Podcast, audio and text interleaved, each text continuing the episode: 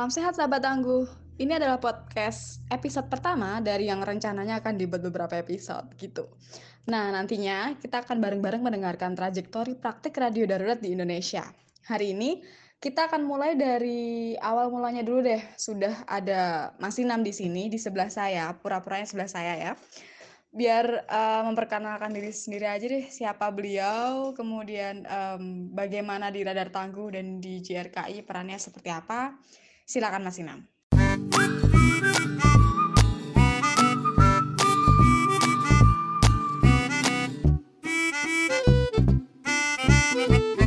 Baik, eh, terima kasih. Saya Sinam M. Sutarno dari Jaringan Radio Komunitas Indonesia. Saya Ketua JRKI, eh, aktif di Radar Tangguh sebagai eh, steering committee dalam eh, beberapa tahun ini uh, bersama dengan teman-teman Radar Tangguh uh, mendorong advokasi uh, radio darurat. Radio darurat sendiri apa kalau bagi JRKI ya sudah memulai dalam beberapa bencana ya sejak uh, gempa Jogja sampai uh, saat ini di pandemi Covid-19.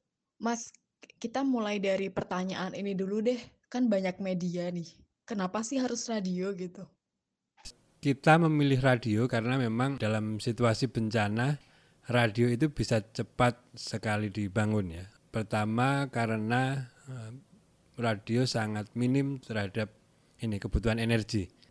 Dia energinya bisa disimpan, dicas misalnya bisa dipakai untuk beberapa jam kemudian atau bisa pakai batu baterai. Nah, kemudian dalam situasi bencana bisa jadi semua alat komunikasi mati. Misalnya dalam beberapa kasus seluler pun tidak bisa dimanfaatkan karena misalnya dalam gempa bumi towernya roboh atau kemudian ada gangguan listrik dan yang lain. Nah, radio e, menjadi pilihan karena kemudian dalam pengalamannya ini bisa cepat dibangun begitu. Dan kemudian juga karena ini media dengar gitu jadi orang sebenarnya bisa melakukan apa pun bagi pendengarnya e, sambil kemudian mendengarkan radio. Beda kalau kita baca koran atau TV atau yang lain kemudian memang kita harus serius melakukan itu. Tapi radio bisa dinikmati, bisa didengarkan dengan uh, situasi apa pun, dengan orang bisa sambil masak, ibu-ibu misalnya, atau bapak bapak-bapak juga bisa uh, sambil uh, melakukan sesuatu, misalnya uh,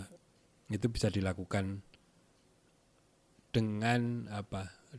Dengan kegiatan yang lainnya. Jadi memang uh, ini bukan menjadi satu-satunya media ya. Ini kemudian akan berhubungan dengan media-media yang lain. Dan radio bisa bisa dilakukan eh, kalau memang internetnya ada bisa juga kemudian bisa dimanfaatkan dengan internet. Eh, siaran yang dinikmati dalam coverage area tertentu itu kemudian juga bisa didengarkan eh, dengan dia dari daerah lain. Misalnya menggunakan perangkat streaming misalnya begitu.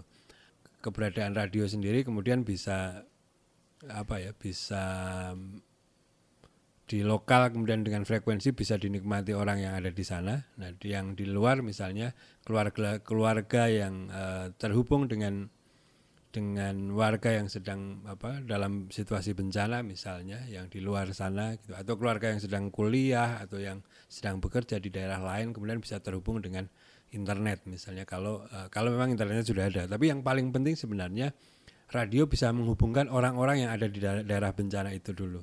Misalnya yang uh, kehilangan kontak dengan keluarganya atau kemudian apa uh, untuk mengakses lokasi-lokasi uh, bantuan kemanusiaan misalnya PMI, misalnya apa kesehatan, misalnya pos-pos uh, apa ya pos-pos untuk pelayanan yang lain. Radio darurat itu biasanya dibangun setelah terjadi bencana Nah pada masa bencana itu biasanya kalau pengalaman evakuasi yang menarik ya waktu di Kelut sebenarnya. Eh, ada radio komunitas Kelut FM yang eh, jadi waktu itu Kelut sudah ditetapkan status apa statusnya siaga ya. Kemudian apa eh, radio komunitas Kelut FM terus menyampaikan uh, pentingnya masyarakat untuk apa untuk uh, menyiapkan uh, diri, memperkuat kesiapsiagaan uh,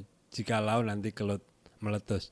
Dan kalau nggak salah pada pukul 21 lebih 50 Badan Geologi menetapkan bahwa kelut statusnya awas. Maka kemudian Radio Kelut FM mengajak warga untuk uh, segera meninggalkan tempat, melakukan evakuasi dan benar uh, satu jam uh, setelah status awas ditetapkan, Gunung Kelut meletus dan salah satunya radio komunitas. Tentu kemudian juga media-media yang lain kayak HT yang lain juga ber, ber, meng, menggerakkan warga untuk evakuasi. Sehingga waktu tahun 2014 zero korban saat erupsi kelut ada istilah radio komunitas dan radio darurat gitu mas.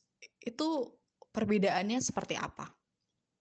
Radio komunitas dan radio darurat. Jadi kalau radio komunitas ini memang rujukannya ke kalau pakai regulasi ke Undang-Undang 32 tahun 2002. Jadi pemerintah uh, di Indonesia itu ada empat bentuk lembaga penyiaran, lembaga penyiaran publik, lembaga penyiaran swasta, lembaga penyiaran komunitas, dan lembaga penyiaran berlangganan. Nah, lembaga penyiaran komunitas ini sendiri dia didirikan dari oleh dan untuk komunitas, kemudian lokasinya ya apa uh, coverage areanya Eh, sekira dua setengah kilometer atau power maksimalnya 50 watt. Radio ini lebih apa ya hampir seperti permanen tapi tidak permanen juga sebenarnya karena izinnya lima tahun. Nah dia punya durasi izin yang uh, jelas, kemudian dikelola uh, biasanya lebih dengan kelembagaan yang permanen pula. Bentuknya perkumpulan, ada aktor notaris, bentuk struktur, ada dewan penyiaran komunitas, ada badan penyelenggara penyiaran komunitas yang menggerakkan, mengelola radio komunitas. Kemudian ada program-program yang terencana. Dalam konteks kebencanaan biasanya fungsinya radio komunitas itu untuk uh, melakukan upaya-upaya pendidikan kebencanaan, misalnya menyiapkan kesiapsiagaan masyarakat, uh, berhubungan dengan pihak-pihak yang ada di sekitar uh, radio komunitas, misalnya dengan forum pengurangan risiko bencana, berhubung dengan uh, berhubungan dengan BPBD uh, dalam rangka menyusun uh, rencana kontingensi, misalnya memetakan di daerahnya itu apa saja sih uh, ancaman bencananya, gitu, misalnya ada angin puting beliung, ada tanah longsor, ada erupsi gunung misalnya atau gempa bumi atau apa pun yang uh, risiko bencana yang ada di situ. Uh, itu biasanya bisa ditelusuri dengan uh, menguak sejarah masa lalu, apa yang pernah terjadi dan kemudian setelah mengetahui uh, apa risikonya, kemudian bagaimana upaya-upaya untuk mengurangi risikonya, bagaimana mitigasinya ketika uh, bencana itu uh, datang, misalnya begitu. Nah itu beberapa peran yang dilakukan oleh radio komunitas. Biasanya lebih banyak fokus pada upaya-upaya untuk pengurangan risiko bencana, penguatan kesiapsiagaan masyarakat, gitu. Terus kemudian juga membangun gotong royong. Berbeda dengan radio darurat. Uh, radio darurat sendiri secara istilah regulasi di Indonesia belum dikenal. Tapi prakteknya sudah ada sejak tsunami Aceh. Jadi radio yang didirikan untuk tanggap darurat, tanggap bencana. E, didirikan e, oleh praktisi penyiaran biasanya kemudian juga teman-teman relawan informasi. Ini kayak temporary radio gitu. Ya setelah masa tanggap darurat selesai, kegiatan kemudian akan berhenti. Jadi perbedaannya tadi yang satu agak permanen gitu walaupun mungkin lima tahunan izinnya, yang satu ya selama masa tanggap darurat biasanya ya sebulan dua bulan nah kalau itu tergantung juga relawan gitu jadi kemudian juga kemampuan bertahannya juga sangat ditentukan dengan keberadaan orang kemudian juga keberadaan berapa jumlah relawannya pihak-pihak yang kemudian bersama-sama dalam pengelolaan radio darurat itu jadi kalau radio komunitas eh, mengenali apa berbagai macam ancaman bencana nah kalau radio darurat ada ketika memang eh, bencananya sudah datang begitu sudah uh, terjadi bencana maka radio beroperasi. Nah, beberapa kegiatan yang dilakukan radio ya tadi misalnya meng, uh, kalau ada yang terpisah dengan keluarganya karena proses evakuasi misalnya, kemudian juga menyampaikan uh, bagaimana kondisi ini saat ini, terus kemudian sebenarnya situasi yang terjadi itu apa? Karena bisa jadi orang yang dalam uh, kawasan bencana itu tidak memahami ini terjadi apa ya gitu tiba-tiba langitnya gelap misalnya. Yang jauh mungkin tahu eh, hujan abu misalnya. Ini apa? Nah, mereka nggak tahu. Misalnya. Atau misalnya sebenarnya kondisi merapi kalau misalnya di, saya di merapi misalnya kalau di, kondisi merapi sebenarnya seperti apa sih? Nah mereka juga tidak tahu uh, informasi dari BPTKG. Nah kita bisa menyampaikan di radio darurat itu sebenarnya yang terjadi ini ada letusan begini, ini begini, kekuatannya begini, arah arahnya ke sana. Nah, itu kemudian disampaikan. Selanjutnya di radio darurat misalnya proses evakuasi tadi kan orang sudah di daerah di pengungsian misalnya. Ada yang terpisah dengan keluarganya, apakah kebutuhan dasarnya ada misalnya yang paling penting soal air, soal tempat untuk berlindung, tenda atau tempat-tempat uh, publik yang bisa dipakai untuk uh, mengungsi. Kebanyakan sih begini, pada masa tanggap bencana begitu sudah transisi, misalnya sudah mulai pemulihan begitu, uh, kemudian dilanjutkan oleh radio komunitas. Pengalaman di Sinabung misalnya begitu sudah uh, tanggap daruratnya selesai, terus kemudian warga sudah mulai pulang, maka kemudian begitu nggak sudah nggak ada pengungsian kan juga sudah nggak efektif lagi. Nah, radio daruratnya ditutup, kemudian waktu di Karo diserahkan ke masyarakat sana kemudian didirikanlah radio menjadi radio komunitas. Nah, radio komunitas ini nanti pasca bencana tentu kemudian akan mengawal proses pasca pemulihan ya, bagaimana kemudian membangun kembali pasca bencana gitu. Dan kalau pemulihan maka kekuatan utamanya akan kembali kepada warga lokal ya. Kalau radio darurat ini kan karena situasi darurat biasanya memang banyak dikelola oleh orang-orang dari luar. Misalnya saya datang ke Lombok bawa studio atau saya datang ke Palu misalnya atau datang ke Banjarnegara karena uh, orang lokal masih menyiapkan ini ya menyelamatkan diri, menyelamatkan keluarganya, terus kemudian juga beradaptasi uh, dengan ke, apa kehidupan baru ya yang dari dari biasa di rumah kemudian di pengungsian itu kan dari praktik radio darurat yang selama ini berjalan gitu Mas ruang-ruang kosong apa sih yang belum sempat mungkin ya diisi oleh media-media arus utama, kemudian radio darurat ini hadir untuk mengisi, melengkapi, berusaha menyempurnakan. Nah, ini yang paling penting di radio. Bencana itu kan pasti banyak selain butuh informasi gitu, kita menyampaikan informasi, tapi sebenarnya juga yang paling penting bagaimana kemudian mendengarkan suara-suara langsung dari masyarakat. Yang itu kadang juga jarang uh, didengar eh, melalui media-media yang yang lain. Salah satu contoh misalnya saat apa bencana ada kunjungan pejabat, uh, maka kemudian sorotan lebih banyak ke bagaimana pergerakan pejabat itu. Tapi kemudian bagaimana kemudian masyarakat di sana yang akses dari medianya agak jauh jarang sekali terekspos misalnya. Padahal misalnya mereka membutuhkan sesuatu. Waktu di Lombok uh, ada pengalaman menarik. Tiba-tiba kan kita nggak pernah berpikir uh, begitu terjadi gempa uh, terus kemudian kan ini ya uh, memang ada pemerintah memikirkan bantuan A B C D syaratnya kan kemudian ada KTP ada apa. Nah pada saat benja, uh, gempa kan kemudian banyak KTP hilang banyak KK hilang begitu. Nah itu kadang jarang yang memikirkan itu. Nah tapi kemudian itu didengar oleh masyarakat. Terus gimana? Ini sesuatu yang hilang. Akhirnya kan kemudian penting untuk disuarakan dari yang uh, yang kemudian hanya obrolan-obrolan warga itu menjadi satu satu suara yang kemudian memang penting direspon oleh pemerintah. Nah, menangkap suara-suara seperti ini yang kemudian uh, sering didapat karena radio darurat bisa berinteraksi uh, lebih dekat dengan dengan masyarakat. Apalagi kalau radio kan waktunya panjang ya. Kita bisa bersiaran sehari 24 jam gitu. Malam sambil dengerin lagu, ada yang curhat-curhat misalnya begitu. Nah, itu uh, penting radio uh, untuk selalu memberikan ruang kepada masyarakat lokal untuk uh, bersuara. Pengalaman lain di Lombok misalnya saat biasanya begitu ada bencana hoax itu juga menemaninya ya. Tiba-tiba setelah bencana muncul kabar nanti tanggal sekian mau terjadi gempa yang lebih besar dan kemudian sini akan tenggelam. Nah banyak orang yang kemakan hoax itu. Tapi kan nah radio kan kemudian bisa menjelaskan bahwa sampai saat ini tidak ada teknologi yang menjelaskan detail bencana gempa akan datang kapan di mana berapa uh, skalanya misalnya. Nah, menjelaskan itu ke masyarakat ya memang banyak yang kemudian tetap kemakan hoax, tapi kemudian juga banyak yang kemudian percaya, oh iya ya nalarnya terbuka sehingga kemudian ya tetap berhati-hati tapi kemudian juga tidak termakan oleh hoax tuh ya, sehingga butuh ruang-ruang bersuara yang kemudian juga bisa di, didengarkan bersama tentu, tentu saja dengan pemerintah pengalaman menarik waktu di Banjarnegara eh, salah satu yang sering ikut bersiaran di radio itu yang sering berbagi itu bapaknya meninggal karena longsor.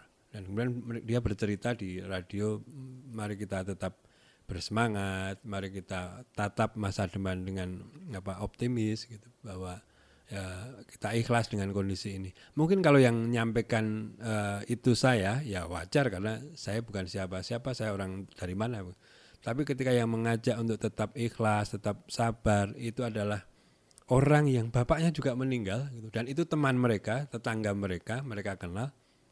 Ini lebih menyentuh daripada omongan saya yang panjang mungkin uh, yang disampaikan uh, pendek justru lebih kena daripada mungkin uh, gaya bicaranya biasa-biasa saja tapi makna dari apa yang dibicarakan itu jauh lebih lebih terasa ketimbang apa yang saya sampaikan atau teman-teman lain sampaikan. Ini saya kira uh, salah satu yang menunjukkan bahwa fungsi radio darurat itu bisa bisa menjadi ruang untuk saling menguatkan antar uh, penyintas, antar uh, warga di daerah bencana yang sama sama-sama saat itu terjadi bencana. Jadi kontennya ya apa ya kontennya kita sesuaikan dengan apa yang diminati masyarakat. Setidaknya media itu kan memiliki tiga fungsi pendidikan, informasi dan hiburan. Jadi juga radio darurat itu sebagai ruang hiburan juga. Waktu apa eh, di studio ada yang main gitar, kemudian menghibur yang nyanyi juga teman-teman di situ misalnya. Jadi uh, saling berkirim lagu. Ini watak uh, wat, salah satu watak media ya, watak radio kemudian juga memberikan hiburan. Jadi ini menjadi ruang untuk berbahagia bersama walaupun mungkin suasananya bukan untuk bersenang-senang tapi kemudian saling membahagiakan itu juga karena itu support mental, support moral yang yang cukup dibutuhkan. Waktu itu sempat ada juga yang pentas ini meninggalkan tenda kemudian pentas rebana di radio dan didengarkan oleh eh, teman-teman uh, yang lain misalnya. Nah saat mereka ber apa berekspresi uh, berkesenian gitu, mereka juga bahagia gitu dan kemudian yang mendengarkan juga bahagia. Nah ini cukup membantu ya dalam rangka pemulihan terutama pemulihan mental karena pasca bencana itu. Tapi eh, radio darurat ini kan sesuatu yang yang sebenarnya juga masih praktek-praktek yang cara regulasi sebenarnya juga belum diatur dengan baik di Indonesia. Ini yang masih perlu dikuatkan. Kalau boleh saya bilang sih ini masih inisiatif-inisiatif uh, kecil-kecil begitu ya, yang memang ke depan memang perlu dikembangkan lagi, uh, perlu didorong lagi sehingga kemudian uh, inisiatif ini bisa berkembang bisa bermanfaat dalam uh, dalam upaya tanggap bencana. Di beberapa daerah yang ada misalnya kalau di waktu di Karo kami berkolaborasi dengan tim penanggulangan bencana di sana gitu terus kemudian waktu di Lombok kami justru satu tenda dengan pos penasnya BNPB inisiatif ini saat ini sudah mulai dipahami oleh uh, oleh pemerintah gitu saya kira ini indikator bahwa uh, keberadaan dari radio darurat setidaknya ya di nah inilah eh, kelihatan ada manfaatnya gitu dan mulai di, dimanfaatkan. Nah, Kominfo sendiri melalui Permen 9 tahun 2018 eh, sudah punya punya aturan eh, tentang peruntukan frekuensi. Jadi izin eh, izin ISR itu, izin eh, radio itu, izin frekuensi untuk eh, kebencanaan. Nah, ini baru mulai dipakai sejak setahu saya sih mungkin semoga saya salah gitu setahu saya izin siaran ISR sementara itu kalau di kami baru didapat pas momentum uh, eh, COVID-19 ini di COVID-19 ini eh, radio di Mosintowo di Sulawesi Tengah mendapatkan izin uh, sementara tapi praktek-praktek ini sudah uh, waktu tahun 2018 di uh, Sulawesi Tengah Kominfo mengeluarkan KM 773 dan di dalamnya sudah mulai mengatur tentang bagaimana pendirian uh, walaupun tidak eksplisit disebut, disebut radio darurat tapi bagaimana operasionalisasi radio radio di masa uh, bencana. Saya melihat justru kar uh, karena dukungannya sudah semakin banyak orang yang paham makin banyak artinya memang uh, manfaat radio darurat itu bisa dilihat oleh uh, banyak orang begitu. Mas Inam, tantangan terbesar dan kemudian impian ke depannya tentang radio darurat sebagai pengurangan risiko bencana ini gimana Mas? Tantangan terbesarnya sampai saat ini pertama uh, regulasi radio darurat itu uh, belum ada. Nah, terus kemudian ISR sementara itu baru penggunaan ISR-nya saja. Tapi bagaimana kemudian pengelolaan, bagaimana mem memanage uh, radio darurat itu uh, belum. Semuanya masih berbasis inisiatifnya masing-masing. Misalnya kalau first respon punya mekanisme sendiri. Bukan hanya kami yang mengelola radio darurat. Ada First Respon Indonesia, eh, ada JRKI, kemudian dulu waktu di uh, Aceh itu bersama dengan PRSSNI kemudian waktu di apa di Jogja itu JRKI juga dengan beberapa uh, internews kalau nggak salah beberapa NGO dan yang lain misalnya. Jadi masih berbas kalau nggak ada inisiatif masyarakat gitu ya sebenarnya belum ada radio darurat itu. Nah impian kami sih ke depan radio darurat itu begitu bencana datang sehari dua hari kita bisa bisa dirikan. Nah problem kita kan begini waktu di Lombok misalnya alat kami ada di Solo dan tidak secepat itu kami bisa datang ke Lombok. Masih agak lama juga jedanya antara terjadi bencana dengan radio darurat berdiri. Butuh waktu yang cukup lama. Gitu. Nah harapan kami ke depan satu hari maksimal satu hari setelah bencana kita bisa mendirikan radio darurat. Caranya seperti apa? Pengalaman di Jepang ini menarik. Kalau di sini mungkin kominfo ya. Jadi kominfo di Jepang yang di setiap prefecture itu, prefecture itu enggak tahu setik, seperti provinsi atau kabupaten mungkin. Seperti provinsi mungkin. Ada perwakilan di setiap prefecture dan mereka punya alat uh, studio. Begitu bencana datang maka kemudian kominfo Jepang datang ke lokasi bencana bawa alat. Terus kemudian aktivis uh, kemanusiaan, relawan informasi datang ke sana untuk bersiaran. Yaitu uh, cepat, jadi butuh beberapa waktu didirikan. Terus kemudian izin izin di sana cukup dengan by phone saya mau dirikan maka kemudian uh, izin langsung dikirim. Uh, syarat-syaratnya menyusul. Jadi dalam situasi darurat ya berpikirnya dengan cara-cara darurat. Terus tantangan yang lain soal radio receiver radio, ya sekarang sih ada HP di HP HP itu kan ada radio FM-nya tapi ketersediaan receiver kita radio uh, radio penerimanya itu kan tidak banyak. Waktu di Lombok kami uh, crowd funding mengumpulkan dana untuk uh, membantu radio radio receiver di Lombok. Dananya dapat, tapi ternyata untuk beli nggak semua toko ada dan jumlahnya nggak nggak satu toko itu paling di sini ada 20 atau berapa. Jadi harus ngacar ke mana-mana gitu. Akhirnya waktu itu kami kita hanya bisa berapa ya sekitar 200-an gitu padahal kita butuh 800 akhirnya kita pesan ke Panasonic uh, ke salah satu vendor gitu, uh, produsen malah. Kemudian dia memproduksi dan butuh waktu kemudian langsung dikirim ke Lombok. Sama hal itu juga waktu di Palu, di uh, di Sigi, kami butuh seribu dan untuk seribu itu kan di sana juga nggak ada. Akhirnya kami juga pesan dan kemudian dikirim. Nah proses, proses pesan dan kirim itu butuh waktu dua bulan, lama. Ini yang yang menurut saya juga menjadi tantangan untuk kita semua. Pengalaman menarik lagi di Jepang, setiap perusahaan, setiap kantor itu mereka punya stok radio. Nah, begitu terjadi bencana mereka kemudian kumpulin dibagi. Sama. Nah, kalau saya sih berpikir begini ya. Indonesia itu kan ada 400-an sekian daerah.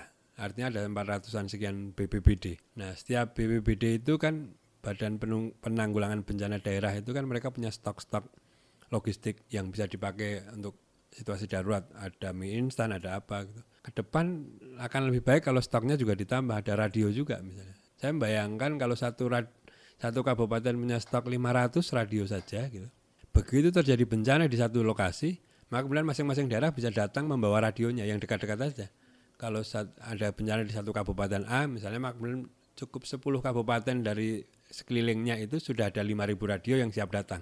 Didirikan langsung bisa siaran dalam saat saat itu juga misalnya ke depan memang radio darurat bisa di apa didirikan dan wataknya memang ya harus watak gotong royong. Tidak semua kemudian diselesaikan apa di ditimpakan kepada pemerintah, tapi semua orang bisa berkontribusi termasuk kantor-kantor. Misalnya kayak di di JRKI di sini misalnya paling enggak punya stok 10 radio gitu. Jadi begitu bencana kumpulin aja gitu. Karena ini ini masih inisiatif ya butuh masih butuh kerja keras tapi tapi saya sih yakin pengalaman-pengalaman yang dilakukan uh, selama ini bersama eh, teman-teman uh, di apa di daerah bencana gitu radio darurat bisa ber, berkembang uh, bisa bisa terus eksis di apa menemani saat terjadi bencana. Dan satu impian kami juga ini kita punya satu frekuensi khusus kebencanaan sebenarnya. Yang itu tidak boleh dipakai oleh siapa pun. Misalnya orang akan paham kalau sekarang sih kita masih pakai FM ya, tapi misalnya kalau ke depan pakai DRM atau teknologi digital begitu, digital radio mendial gitu. Ada satu frekuensi khusus yang memang kita tetapkan, nggak boleh dipakai oleh siapa pun, hanya dipakai ketika terjadi bencana. Jadi orang akan tahu misalnya kita sebut saja frekuensi 100 misalnya atau berapapun itu adalah frekuensi tanggap bencana jadi begitu di daerah bencana orang akan cari frekuensi 100 dan di situ dia bisa mendengarkan uh, radio darurat ini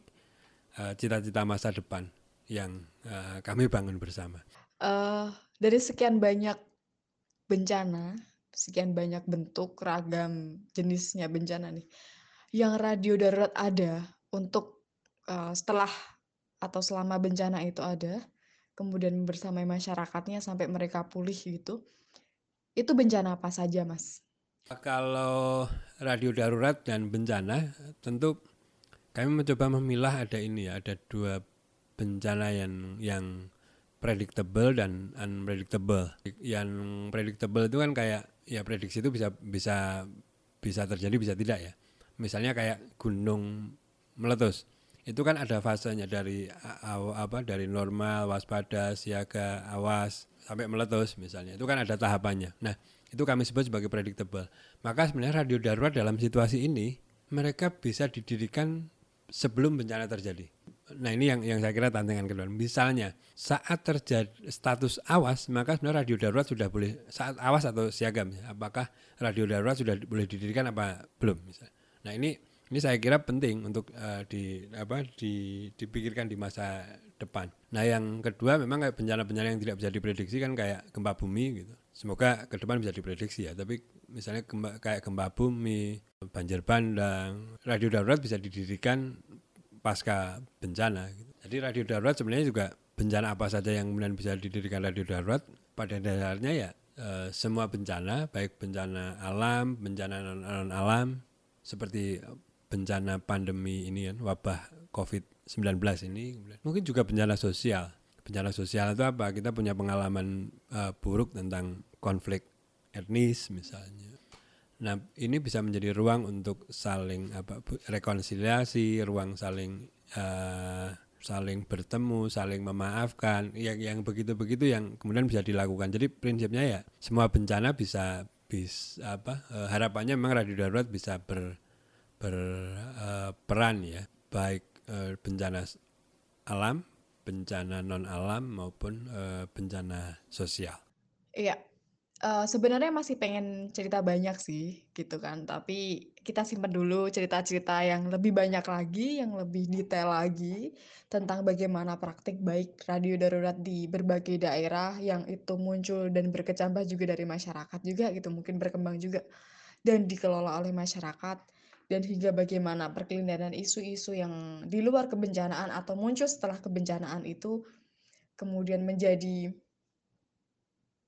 uh, ruh semangat teman-teman untuk membangun dan mengembangkan radio dan juga menjernihkan informasi di berbagai daerah.